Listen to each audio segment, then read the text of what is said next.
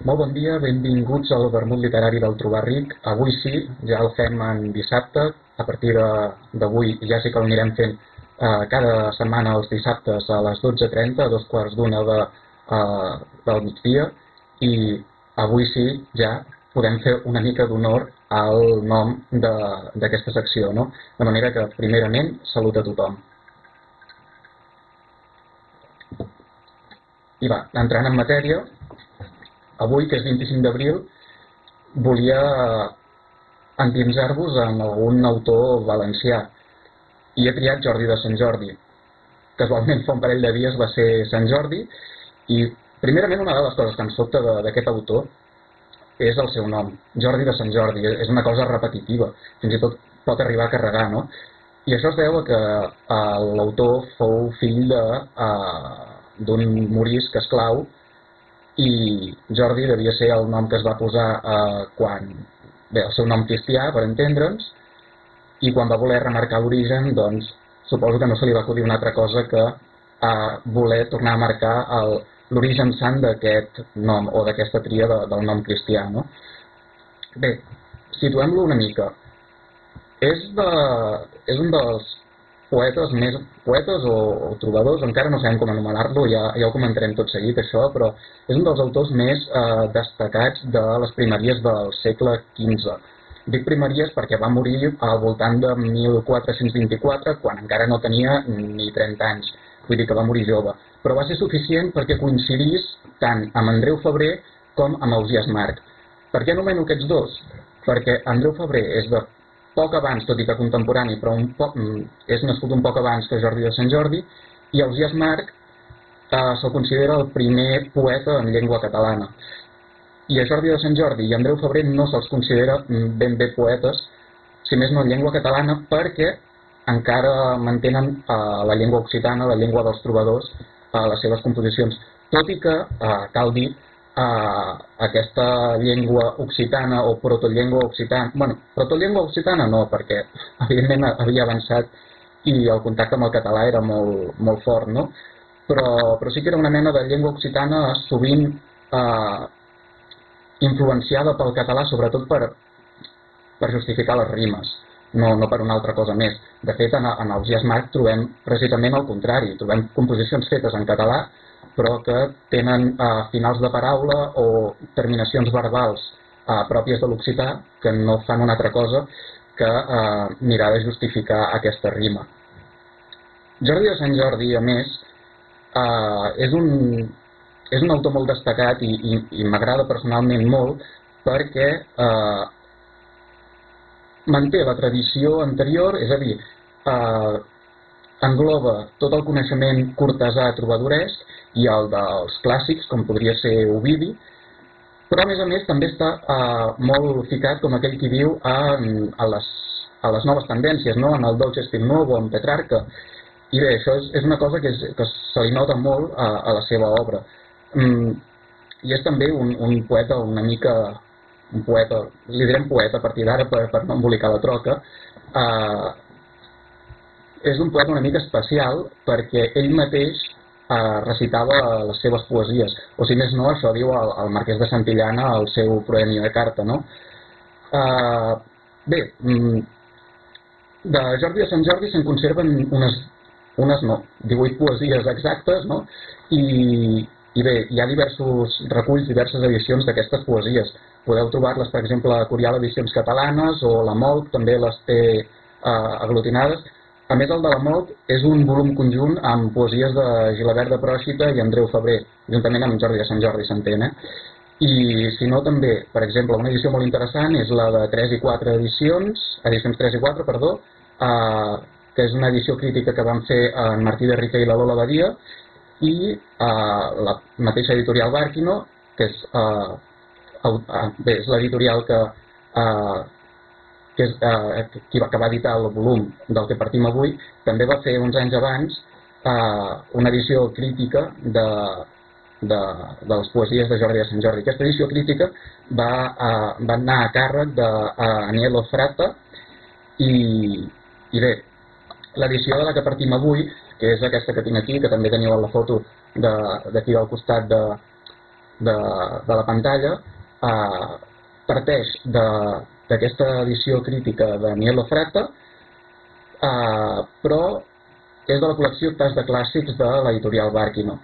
Què vol dir això? Tas de Clàssics és una col·lecció que el que fa és actualitzar tots aquests clàssics, de, sobretot de la literatura catalana.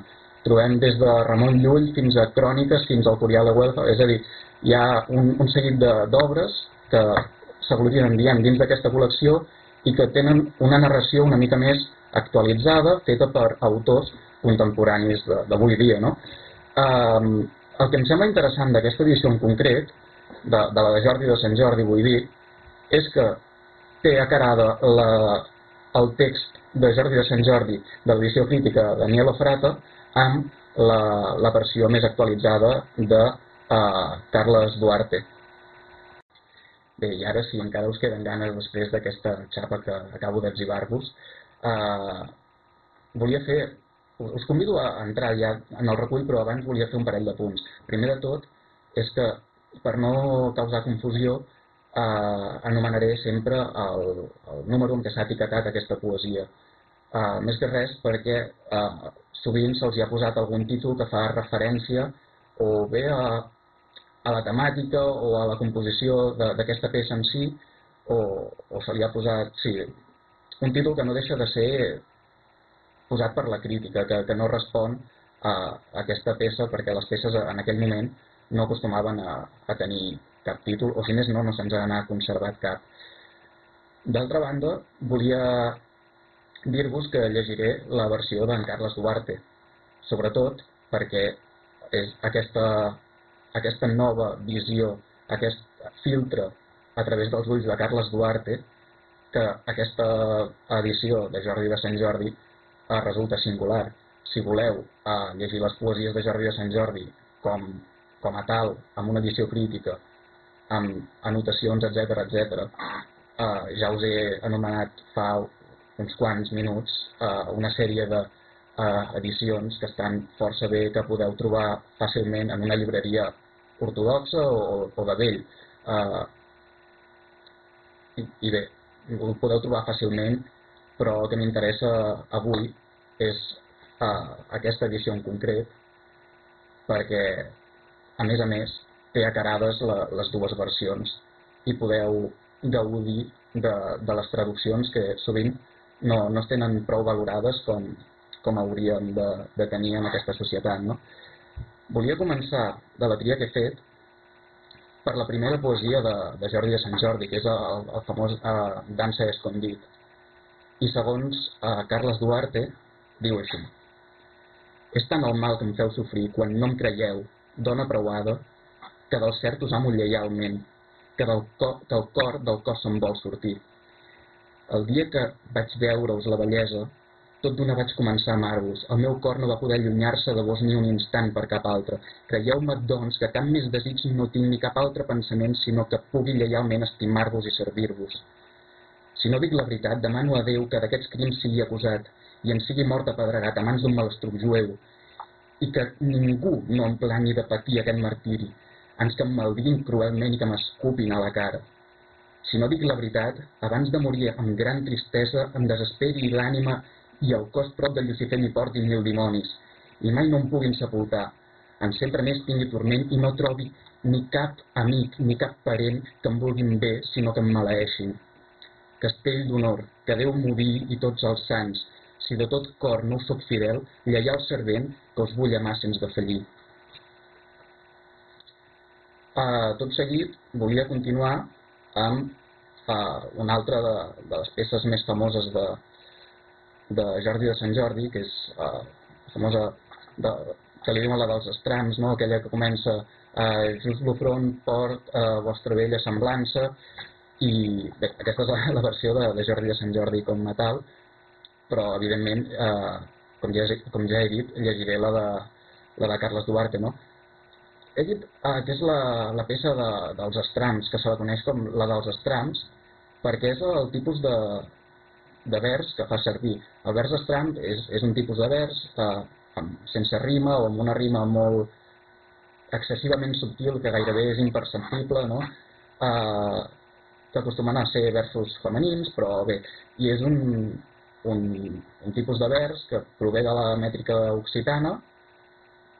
Trobem exemples, per exemple, Arnau Daniel, no? però que després va acabar eh, adaptant-se en el cas català a través de Jordi de Sant Jordi, per exemple, i arribant eh, ja pròpiament en català a, a Osias Marc. I aquesta, doncs, diu així. Porto sota el front el vostre vell semblant, i en fa el meu cos nit i dia gran festa, que, contemplant la molt bella figura del vostre rostre, me'n queda l'empremta que ni la mort n'esvairà la forma ans quan seré del tot fora del món, els qui el meu cos portaran al sepulcre, sobre el meu rostre veuran la vostra ombra. Com fa l'infant quan mira un retaule i contemplant la pintura amb imatges amb el cor net no se'n vol apartar, tan plaer té alhora que l'envolta, així em passa davant l'amorós cercle del vostre cos, de tants de vents guarnit, que mentre el veig, més que Déu el contemplo, tant de goig tinc per l'amor que em penetra, així em té captiu i lligat a la seva presó l'amor ardent, com si fos dins un cofre, tancat amb clau, i que tot jo hi fos, d'on no pogués moure'm per anar enlloc. Tan gran i fort és l'amor que us tinc, que cap angoixa no allunya gens el meu cor. Vella, de vos, en resta ferm com una torre i us ama, a vos. Blanca coloma. Vella sense parió, de presència noble, Déu va fer que el vostre cos fos el, meu, el més vell. Alegre i gentil, brilla més que una pedra preciosa, amorós, vell, més penetrant que una estrella. Per això, quan us veig en grup amb les altres, les supereu així com fa el carboncle, que vens les virtuts de les altres pedres precioses, esteu per sobre d'elles com l'estó sobre les merles. L'amor que us tinc arreu m'estella, cap home no ha estimat més de cor, tan gran amor com aquest, que el cor mobre no ha estat mai en cos d'home ni en ànima. Més, més trasbalsat estic que no va estar Aristòtil, per l'amor que em crema i em desferma els sentits. Com el bon monjo no se'n va de la cel·la, el meu cos no, no s'allunya de vos, com la carn i l'ungla. Oh, dona gentil, neta d'engany i delicte, tingueu pietat de mi, bella dama, i no consentiu que em mori d'amar-vos perquè us estimo més del que ningú pugui dir. Per això us suplico, vos que sou el vell arbre de tots els bons fruits on el valor s'arrecera, que em retingueu a la vostra preuada cambra, ja que sóc vostre i us seré mentre visqui. Preciós rubí meu, porteu, ben cert, una corona per damunt de totes les que al món figuren, ja que cada dia neixen i reviuen més en vos la bontat i la virtut que en Pantasilea. De fet, eh, ara amb aquesta lectura hem pogut apreciar més eh, detalls explícits d'aquestes referències a antics trobadors que, que té Jordi de Sant Jordi. No? Per exemple, a dues cobles enrere eh, llegíem a l'últim vers el meu cos no s'allunya de vos com la carn, com carn i ungla, és una referència directíssima a, a la sextina d'Arnau Daniel, aquella que comença amb l'ofèrmbolet, el cor, nintre, etc etc. i una de les uh, rimes és ungla i l'altra és ongla i parla de, de la separació aquesta de, de la carn i l'ungla uh, comparant-ho amb, amb, amb l'estimada no? com, a, com a fet uh, dolorós hi ha uh, una poesia que volia llegir tant sí com no, perquè potser és una de, de les més uh, famoses que, que té Jordi de Sant Jordi, que és la, la catorzena poesia, que és uh, aquella que comença Desert d'amics, de béns i de senyor, en estrany lloc i estranya contrada, que segurament la coneixeu per, perquè l'ha musicat en Raimon, com tantes i tantes d'altres poesies de Jordi de Sant Jordi i d'Ausias Marc, que poc se li agraeix la feina que ha fet aquest home eh, pel que fa al recull, de, recull i, i aquest, eh, aquesta adaptació musical de, de les peces. Si més no, eh, els hi ha posat un, un ritme nou, propi de, de la nova cançó. De... Bé, però en qualsevol cas va agafar aquestes lletres que són sim, grans símbols del que va estar la literatura catalana en aquell moment i del que continua sent avui dia, que precisament per això eh, la seguim estudiant i autors com ell l'han arribat a, a musicar. No? I no em faria res llegir aquesta versió de, de Jordi de Sant Jordi en occità catalanitzat, però entenc que potser l'occità, tot i que no és una llengua que s'allunyi gaire de, del català actual, i menys a, a l'edat mitjana, eh, puc entendre que, que tingueu certes dificultats amb, amb aquesta llengua. Llavors, eh, com la podeu trobar tant musicada pel Raimon o a les edicions que us he comentat fa una estona, eh, penso que l'encertat és continuar llegint la versió que en fa, la traducció que en fa en Carles Duarte, que diu sense amics, sense vents, sense senyor, en estrany lloc i estranya contrada, lluny de tot bé, far de nuig i tristor, captius la voluntat i el pensament, estic del tot sotmès a un mal poder, no veig ningú que de mi tingui cura, i vigilat, reclòs, encadenat i pres, ho agraeixo la meva desventura.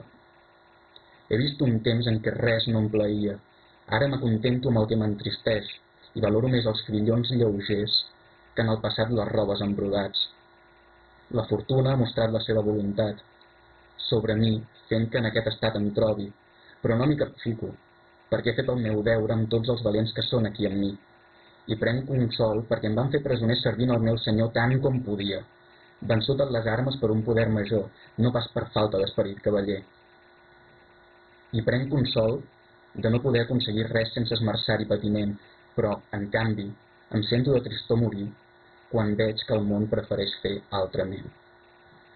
No em costa gens de suportar tots aquests mals si els comparo amb un que el cor m'inquieta i que, dia rere dia, m'allunya de l'esperança, quan no veig res que em doni cap empenta a acordar la nostra alliberació, i més quan veig el que demana és força, que no sabia cap mena de raó, i llavors m'abandonen la virtut i la força. No veig ni sé, doncs, res en aquest moment que em pugui ajudar ni el valor d'una escorça, sinó tan sols Déu, en qui prenc fonament i de qui em fio i amb qui amb el meu cor es conhorta, i d'altra banda, del bon rei liberal, que socorregué amb una gran gentilesa els qui han ficat del tot en aquest mal, i ell me'n traurà, ja que estic a les seves ordres. Rei virtuós, el meu senyor natural, tots no us fem cap altra demanda, que recordeu que la vostra sang reial mai no va decebre els, els del seu bàndol. Bé, aquí eh, podem destacar, per exemple, el moment que, que relata aquesta, aquesta peça, no? que és quan eh, Jordi de Sant Jordi va estar captiu a Nàpols eh, i bé, pel, per, va, va ser captiu de, del comte Esforza i, i bé, demana ajuda a Alfons el Magnànim, que va ser eh, el seu cambrer. És a dir, Jordi de Sant Jordi va ser cambrer d'Alfons i, i no al revés, que seria potser una mica estrany. Però bé, és, eh, aquesta peça es fa precisament famosa perquè és una peça que, que relata el, el captiveri de, del poeta. I ara, per acabar, volia llegir la quinzena poesia, que és aquella que fa eh, tots jorns aprenc i desaprenc en sems, he vist, he muir, he fau de nuig placer, eh, que, és la, que és coneguda també com la cançó dels opòsits, perquè, com veieu, hi ha una segona part del vers que sempre contradiu una primera. Diu, per exemple, tots jorns aprenc, he desaprenc en sems, tots els dies aprenc i desaprenc alhora. I això ho anirem trobant eh, al llarg dels versos, com a forma, com, a un, com si fos un intent de simbolitzar eh, aquest descontrol que sent el poeta. I bé, la cançó, la, la cançó, segons Carles Duarte, diu així. Aprenc i desaprenc alhora cada dia, visc i moro, i faig de nuig plaer, del mal temps faig que sigui bon temps, i veig sense ulls i sé sense saber. I sense estrenya res, el món abraço, Volo pel cel i no em moc de la terra, i incessantment empaito el que fuig, i fuig el que em segueix i m'aferra. El mal no em plau i sovint me'l provoco. Estimo sense amor i no crec el que sé. Em sembla un somni el que veig prop de mi, m'ho diu a mi mateix i als altres vull gran bé, i parlant callo, i sento sense escoltar. El sí el tinc per no, i el cert em sembla fals, i menjo sense gana i em grato sense picor i palpo sense many i faig del seny follia. Quan vull pujar sense girar-me baixo, i de ballar em pujo, corrent a un lloc, alt, i rient ploro, i dormo desvetllat, i quan tinc fred em sento més calent que el foc, i a dret cient faig el que no vull, i perdent guanyo, i el temps volant va lent, i sense dolor ben sovint em queixo, i tinc el simple anyell guineu falsa. Colgant-me al llit, em llevo i vestint-me em despullo. Trobo lleugera la més feixuga càrrega i quan em banyo crec que no em remullo. El sucre dolç em sembla fel amarg. El dia és nit i és fosca la claror. El temps passat se'm fa sempre present. El fort és feble i el tou ho tinc perdut. I sense falta em manca el que em roman en mi, com veieu, aquí ha anat contraposant tota l'estona que comentàvem abans, tret dels de, últims quatre versos de la darrera copla i els quatre versos que fan de, de tornada al final i que li serveixen per concloure i per justificar una mica eh, aquest, eh, aquesta contraposició constant de, de tota la peça. No?